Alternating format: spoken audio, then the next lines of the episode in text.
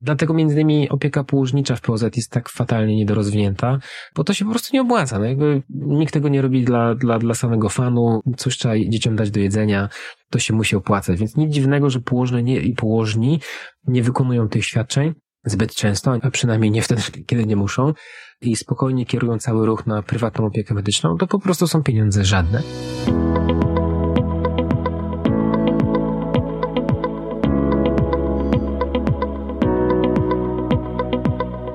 Słuchasz podcastu Jak pracować w POZ.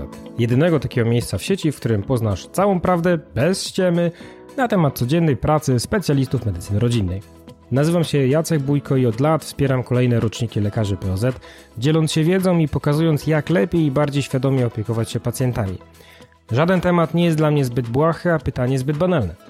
Zagadnienia kliniczne, papierologia w POZ, cała prawda o szczepieniach czy diagnostyka bez tajemnic – to tylko niektóre tematy, które przybliżę Ci w kolejnych odcinkach. Wspólnie przebrniemy przez zawiłości procedur medycznych i przekonamy się, jak to wygląda w praktyce.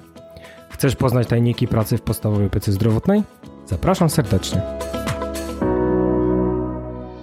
Ok, teraz przejdziemy do drugiego zagadnienia, mianowicie no to ile fundusz płaci dla pielęgniarek i dla położnych. Dlaczego mówię o tym w drugiej kolejności? No bo generalnie rzecz jestem lekarzem. Mówię do Was jako głównie do lekarzy, ale nie tylko. No i jakby najwięcej świadczeń jest po prostu przypisane do kontraktu lekarza POZ. Co nie znaczy, że praca innych osób niż lekarze POZ jest mniej ważna. Powiedziałbym, że równorzędna. Po prostu jakby zakres usług jest inny. No i teraz tak, jeśli chodzi o e, świadczenia pielęgniarki POZ, no to, czyli pielęgniarki środowiskowo-rodzinnej, to jest to kwota e, zatrważających 50 zł i 4 groszy rocznie, czyli jest to kwota czterokrotnie mniejsza niż e, dla lekarza. Ale to wynika między innymi z tym, że z tego, że lekarz jakby w ramach tego kontraktu też musi zatrudnić e, pielęgniarkę punktu szczepień, rejestracja, opłacić wszystko. Pielęgniarka POZ, czy pielęgniarka środowiskowo-rodzinna nie do końca te same wydatki ma. Jeśli mamy z kolei pielęgniarkę, która ma certyfikat akredytacyjny, no to ma oszałamiające 36 groszy rocznie więcej, czyli 50 zł i 40 groszy. No cóż, dużo, niedużo, Zależy, no wiadomo, grosz do grosza. Są przychodnie, gdzie jest kilka pielęgniarek środowiskowo-rodzinnych skupionych jakby przy sobie w jednym podmiocie i nie zatrudniających w ogóle lekarza. E, z tego co wiem, to w Wielkopolskim tak jest, w okolicach Poznania, że lekarze mają oddzielny podmiot, pielęgniarki mają oddzielny podmiot. W reszcie kraju generalnie to jest tak, że podmioty najczęściej są e, z lekarzem POZ i pielęgniarką POZ, a ewentualnie czasem położne są oddzielnie. To jest różne. Natomiast no jakby najczęściej spotykany jednak jest taki system, że jest jakby trzech świadczeniodawców w jednym podmiocie, czyli lekarz POZ, pielęgniarka POZ i położna POZ w ramach jednej e, placówki, jednego podmiotu leczniczego. Kolejnym e, świadczeniem pielęgniarki POZ jest konsultacja w ramach e, profilaktyki gruźlicy, co daje za wizytę 30 zł 45 groszy. Nie każdy się kwalifikuje. Nie jest to trudne. To jest krótka ankietka i tę krótką ankietkę można spokojnie wypełniać podczas EKG, przy pobraniu krwi, przy szczepieniach, przy okazji. E, kiedyś dawałem e, szokujące 5 zł, jak pamiętam, za taką konsultację. No teraz to 30 zł, no. Ponieważ praktycznie każda osoba dorosła się kwalifikuje, no to jakby to już jakiś tam jest pieniądz. Idąc dalej, e, tak jak mówiłem, że e, lekarze mogą konsultować doraźne, doraźnie zgłaszających się pacjentów spoza gminy własnej i gmin ościennych i dostają za to pieniądze, no to pielęgniarki tak samo i dostają za taką konsultację 15 zł 38 groszy, więc jeśli w waszej przychodni, nie namawiam, ale informuję, byłby taki schemat, że przychodzi pacjent z innego miasta, oddalonego właśnie o te dwie gminy, i mówi, że potrzebuje konsultacji, to najpierw rejestracja umawia tą osobę do pielęgniarki, pielęgniarka wykonuje badanie, robi pewnego rodzaju raport, ocenia słuszność potrzeby konsultacji z lekarzem, potem jest konsultacja z lekarzem i wtedy rozliczamy te 80 coś złotych plus 15 coś złotych i nagle mamy stóweczka. No wiecie, no grosz do grosza. Na tej samej zasadzie e, są świadczenia dla e, osób e, z Ukrainy, u pielęgniarki e, dla osób, które mają kartę EKUS. Także to też jest 15 zł 38 groszy. Kolejnym punktem jest też świadczenie pielęgniarki POZ w profilaktyce HUK, czyli w tym programie wczesnego wykrywania chorób układu krążenia i cukrzycy. I tutaj też jest dosyć duża kwota, to jest 130 zł 8 groszy za poradę pielęgniarską, co, że tak powiem, bardzo premiuje udział pielęgniarek właśnie w tej całej profilaktyce. Jeśli mnie pamięć nie myli, to w ogóle te konsultacje chyba w całości może robić pielęgniarkę, tylko wyniki trafiają do lekarza, co jest ogólnie rzecz biorąc no jakby spoko użyciem e, zasobów e, medycznych tego podmiotu. Jest jeszcze coś takiego jak kompleksowa opieka pielęgniarska, czyli KOP. E, ewidentnie fundusz dał pacjentom KOPA, czyli porada pielęgniarki realizowana w miejscu udzielania świadczeń, czyli w przychodni lub w domu świadczeniobiorcy. E, jeśli jest w miejscu świadczeń, czyli w przychodni, no to jest to 55 zł 16 groszy za konsultację, a jeśli w domu to 112 zł i 50 groszy. I teraz, z czym to się je tak właściwie? No, są to konsultacje, no nie dla każdego. One są dla pacjenta, który wyszedł ze szpitala i w dużym skrócie obejmuje pielęgniarską opiekę w zakresie leczenia ran, poradę pielęgniarską stomijną i urologiczną, Czyli w dużym skrócie, jeśli pacjent wyszedł ze szpitala i mu się przewlekle paćka rana i mamy na to 60 dni, znaczy to do 60 dni po zakończonej hospitalizacji, lub jeżeli ktoś ma stomię wyłonioną i tutaj do 14 dni po hospitalizacji, lub jeżeli ktoś wymaga cewnikowania po hospitalizacji też do 14 dni. I tutaj o tym możecie poczytać troszkę w innym miejscu, ale no jest to zawsze coś, no to troszkę, no jest to ograniczone na do 10 porad, a potem już jakby w ramach stawki kapitacyjnej wszystko. Jest to ściśle zależne od hospitalizacji, ja nie zawsze wiem, że ktoś wyszedł ze szpitala, ale technicznie rzecz biorąc w dobrych pozetach, no te rzeczy i tak były robione przez pielęgniarki, więc no teraz dalej będą robione przez pielęgniarki, ale no warto, żeby tych pieniędzy nie przegapić generalnie, no bo to zawsze to jest jakiś pieniądz.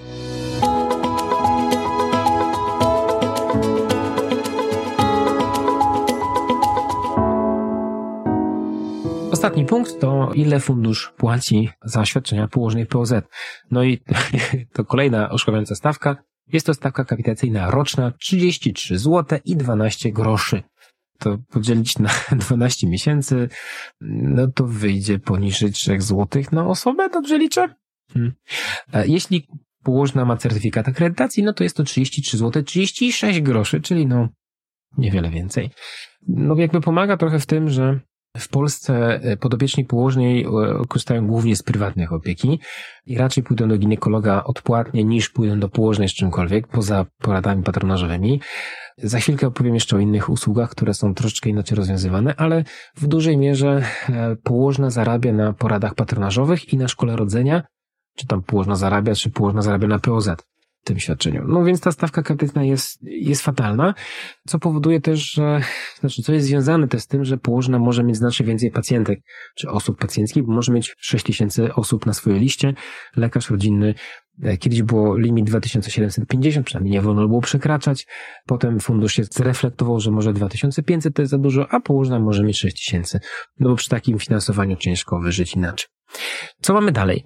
Jeśli położna robi wizytę u ciężarnej w edukacji przedporodowej, czyli w dużym skrócie to się rozlicza, to jest właśnie szkoła rodzenia, że mamy no, kilka, kilkanaście osób i rozliczamy to, no to za tą wizytę mamy 36 zł 66 groszy, czyli razy, nie wiem, 10 osób, no to jest tam kilka stówek za, za jedno spotkanko. Jeśli płód ma wadę letalną, no to wycena jest większa, 54 zł 98 groszy. Jest to natomiast dosyć rzadkie. Idąc dalej, mamy wizyty patronażowe położnej POZ i tutaj za wizytę patronażową jest 34 zł 30 groszy. Patrząc na to, że wizyta patronażowa trwa no trochę czasu, no po co, z godzinę czasem, wymaga wizyty domowej, wymaga zgłoszenia się do położnicy, do dziecka w ciągu e, no dwóch dni, no to, to 34 zł 30 groszy to nie jest dużo, nie? No. Jeśli y, płód ma wadę letalną, e, no to wtedy jest to 46 zł 12 groszy za wizytę patronażową, wciąż nie jest to dużo. Za wizytę położnej w konsultacji jakby pooperacyjnej kobiet po operacjach ginekologicznych albo onkologiczno-ginekologicznych fundusz płaci oszałamiające 17 zł 74 grosze za konsultację. No, no nie no to jest, to, to, to jeden zinger jest droższy generalnie rzecz biorąc w KFC. No, co kto lubi. Dlatego między innymi opieka położnicza w POZ jest tak fatalnie niedorozwinięta, bo to się po prostu nie opłaca. No jakby nikt tego nie robi dla, dla, dla samego fanu, coś trzeba dzieciom dać do jedzenia, to się musi opłacać. Więc nic dziwnego, że położne nie, i położni nie wykonują tych świadczeń zbyt często, a przynajmniej nie wtedy, kiedy nie muszą i spokojnie kierują cały ruch na prywatną opiekę medyczną, to po prostu są pieniądze żadne. Położna też może udzielać świadczeń osobom jakby spoza gminy, przyjezdnym za 15 zł 38 groszy, zarówno obcokrajowcom, jak i mieszkańcom Polski oraz Ukraińcom. No i właśnie tak jak wspominałem o tym, że e, cytologia w POZ to no jakby rzadka jest, rzadkość, no więc Fundusz Zdrowia płaci całe 23 zł i 65 groszy za pobranie materiału szyjki macicy do przesiowego badania cytologicznego. No nie jest to zbyt dużo, jest to mniej niż test combo. Test combo robi się dosyć szybko, bo tylko się wymazówkę do nosa wkłada. No a cytologię to jednak trzeba mieć fotel, trzeba mieć warunki, trzeba mieć całą infrastrukturę i, i trwa troszkę dłużej i, i dają za to mniej. No więc gdzie w tym sens, gdzie logika? No nie wiem. Idąc dalej, e, mamy wizyty położnej w prowadzeniu ciąży fizjologicznej w różnych okresach tej ciąży, co jest dosyć rzadką rzeczą. Ogólnie rzecz biorąc, według wiedzy, którą gdzieś tam trafiłem, położne mają w prowadzeniu ciąży fizjologicznej e, lepsze wyniki i lepsze wyniki satysfakcji niż ginekolodzy. Oczywiście mogę się mylić, nawet nie pamiętam gdzie to czytałem, ale to mi utkwiło w pamięci, więc wybaczcie, koledzy, koleżanki z ginekologii, ale podobno położne radzą sobie z tym lepiej w ciąży fizjologicznej, tu mówimy tylko i wyłącznie o tym. I to finansowanie jest całkiem niezłe, natomiast no jak to wygląda w praktyce, ciężko mi powiedzieć, bo osoby wykonujące zawód położnej położnego, no raczej niechętnie zabierają się za prowadzenie ciąży fizjologicznej, za wyjątkiem kilku dzielnych osób, więc no ja znam w Szczecinie chyba jedną czy dwie osoby, które podejmują się w ogóle prowadzenia ciąży, będąc położnymi. E, najczęściej te osoby też e, odważają się do prowadzenia porodów domowych, e, co w polskich warunkach nie jestem wielkim fanem, ale no, będąc na przykład na szkoleniach w Holandii, no to tam tych porodów domowych było dużo, ale inny kraj, inne warunki, inne zabezpieczenie. No więc wizyta położnej w prowadzeniu ciąży fizjologicznej, no to jest od 165 zł i 55 groszy do 254 zł 23 groszy.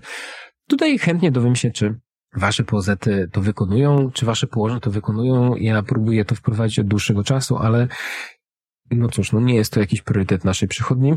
Jest to dosyć trudne, ciężko też namówić personel, żeby i pacjentki, żeby prowadziły ciążę u położnej, nie u ginekologa. Ale no, w moim rozumieniu nic nie stoi na przeszkodzie, żeby dana pacjentka chodziła do prywatnego ginekologa, bo większość osób tak chodzi, a położna ją jednocześnie prowadziła na fundusz. No, nie ma zasad wykluczających. No i ostatnia rzecz, no to jest wizyta położnej związana z wykonaniem holtera ciśnieniowego za 143 zł i 9 groszy. I zobaczmy, jak to się ma do wyceny budżetu koordynacji. Holter ciśnieniowy 145 zł 96 groszy, a położny dostaje 143 zł 9 groszy, czyli położny dostaje to 2 zł mniej za holtera. Dlaczego? Jaki w tym sens? Gdzie logika? No.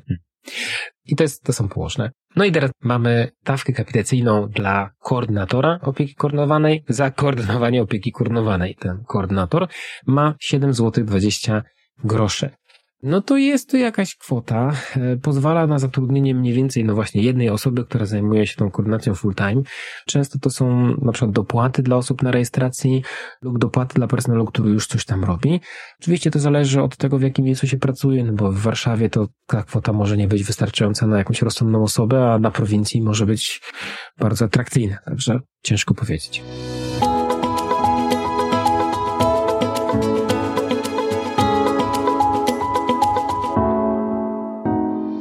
Na koniec mamy pielęgniarki i higienistki szkolne. Tutaj, no to jest absolutnie obszar, w którym się po prostu nie znam od dawien dawna. Tak jak mam kontakt, no to mam wrażenie, że pielęgniarki szkolne w ogóle to jest wydzielona część i już nie ma takiego pielęgniarstwa szkolnego, jak to kiedyś było. Kiedyś były gabinety, jakoś to działało. Teraz to głównie tak, no, fluorkowanie i bilanse. Może się za to zabiorę kiedyś, może zmienię zdanie, ciężko powiedzieć. No jest to stawka 106 zł 80 groszy za ucznia. Natomiast jak to się przekłada nie wiem, przy akredytacji to jest to złotówka więcej, a, a jeśli jest fluorkowanie, no to się dostaje tam 6 zł 84 grosze. Nic mi to zupełnie nie mówi. Natomiast to, co mi już coś mówi, to transport sanitarny. Transport sanitarny to jest stawka kapitacyjna, tak samo jak świadczenia te inne, o wartości 7 zł 68 groszy na pacjenta rocznie. No niby mało, ale z drugiej strony i zależnie od waszej wyceny, na ile wycenia was, was firma transportowa za przewozy pacjentów, bo tak Bogiem a prawdą, bardzo mało pacjentów ma faktycznie wskazania do transportu sanitarnego. I tych porad, się, tych, tych transportów się robi dosyć mało, więc jeśli, najczęstszą praktyką jest to, że dana przychodnia oddaje ten kontrakt firmie przewozowej i ta firma przewozowa jakby dostaje tą kapitację, na czym zarabia. Natomiast okazuje się, że jeżeli jakaś przychodnia dogada się na dobrą cenę, jeśli chodzi o transporty i zachowa sobie ten kontrakt, no to też finansowo to wychodzi nieźle, zwłaszcza jeżeli ktoś trzyma się zapisów NFZ odnośnie tego, kiedy pacjent ma prawo mieć bezpłatny transport sanitarny, a kiedy ma częściowo płatny.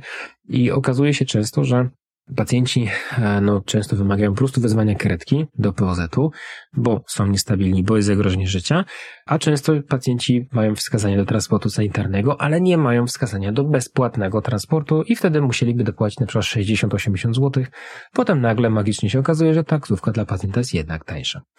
Co dalej? Dalej mamy świadczenie transportu sanitarnego dalekiego w POZ, czyli przewóz na tam i z powrotem między 121 a 400 km. I tutaj ryczałt jest 306 zł 82 grosze za tę podróż tam i z powrotem. Kurczę, wydaje mi się, że to chyba, to się chyba nie spina. To musiałby mi ktoś podać jakieś przykłady, jak to u kogoś jest, bo no my takiego transportu sanitarnego to po prostu nie zleciłem tego po prostu nigdy jeszcze. Jeśli trasa przekracza 400 km, no to dostaje się złoty 24 za każdy kilometr powyżej 400 km. Jak to się ma? Nie wiem. Transport sanitarny w naszym przypadku to głównie jest w obrębie aglomeracji szczecińskiej, no bo transport jest do najbliższego szpitala na przykład. No nie zdarzyło mi się transportować pacjenta sanitarką do Warszawy. To ciekawe, ile by to wyszło, no nie wiem. I w ten sposób docieramy do końca tego podcastu o nazwie Ile płaci NFZ jakby jeśli chodzi o koszty i wydawanie, no to, to jest temat, temat rzeka, to jest do mówienia zupełnie gdzie indziej. To, co jest ciekawe, no to warto zapoznać się właśnie z tym rozporządzeniem. E, ma 17 stron, nie jest trudno do przeczytania, między innymi dlatego, że to wszystko się tam znajduje. Oraz e, to, co Wam się przyda, to wykaz kodów ICD, które umożliwiają przypisanie pacjenta do konkretnej ścieżki opieki koordynowanej. No bo jeśli już realizujecie opiekę koordynowaną, no to powinniście wiedzieć, który pacjent się faktycznie tam nadaje. Mam nadzieję, że troszkę Wam to rozjaśniło. Być może to Wam trochę uświadomiło, ile fundusz płaci. W dużym podsumowaniu, sama stawka kapitacyjna nie jest taka zła, zakładając, że ma się dużo zdrowych osób, które nie potrzebują Waszej opieki, bo wtedy te zdrowe osoby po prostu finansują opiekę starszym osobom, które wymagają już więcej uwagi. No, dodatkowe pojawienie się świadczeń fee for service, gdzie wykonujecie jakąś usługę, dostajecie za to pieniądze, no jakby zwiększa atrakcyjność finansową prowadzenia podstawowej opieki zdrowotnej. I moim zdaniem to ogólnie rzecz biorąc jest krok w dobrą stronę i cieszę się, że te zmiany wprowadzono, a zwłaszcza cieszę się z tego, że no jakby e, wcześniej, jak tego nie było, no to pacjent, który mógł sobie pozwolić na, na konkretne badania diagnostyczne, no to e, po prostu zalecałem, co ma wykonać, on wykonywał odpłatnie i z wynikami mogłem to zinterpretować. A teraz mogę sam to zrobić i bardzo często pacjenci są mile zaskoczeni. Jak mówię, że kieruję do kardiologa, oni mówią, a gdzie to na mieście? Ja mówię, nie, to u nas. I fajnie, fajnie, naprawdę to nam daje dużo narzędzi i dużo zadowolenia. Jeśli macie więcej pytań lub jakiekolwiek pytania odnośnie tego podcastu, uwagi, sugestie lub potrzeby, śmiało piszcie do mnie na jacek.bójko małpa jakpracować.poz.pl albo na Facebooku, albo gdzieś takich śmiesznych rzeczy, to coś nabroiłem na Facebooku. Facebook obciął mi konto reklamowe, obciął mi zasięgi, także generalnie się wycofuję troszkę z tego. Więc jeżeli słuchasz tego podcastu i chcesz być ze mną w kontakcie, to zachęcam do wejścia na moją stronkę i, i po prostu zapisania się do newslettera. Ja tutaj też daję linki w opisie, więc kliknij newsletter, zapisz się, na pewno jak będzie coś ciekawego dam Ci znać. Facebook niestety już mnie nie lubi, próbowałem się od tego odwołać, nie wyszło. To jest jedna rzecz. Druga rzecz to taka, że e, trochę zmienia się wygląd mojej stronki z kursami, wygląda teraz troszkę ładniej i tam też jest taka zakładka społeczność, która jest takim trochę właśnie taką kalką Facebooka, więc też zachęcam, żebyś e, zobaczył, zobaczyła jak to wygląda i potestowała. Chętnie przyjmę Twoje uwagi. Jeśli masz jakieś e, ciekawe pomysły, śmiało daj mi znać. I oczywiście, tak jak zawsze, zachęcam wszystkich gorąco zarówno do prowadzenia moich kursów, no i jak po prostu odwiedzenia mnie w Szczecinie. Regularnie w roku odwiedza mnie kilka osób z różnych części kraju. Zawsze to jest wielka przyjemność, e, gdy mogę pokazać tą przychodnię, czegoś nauczyć jeszcze, więc jeśli masz ochotę odwiedzić mnie kiedyś, daj mi tylko znać, na pewno przyjmę cię, ugoszczę i Kto wie, może nauczyć czegoś ciekawego.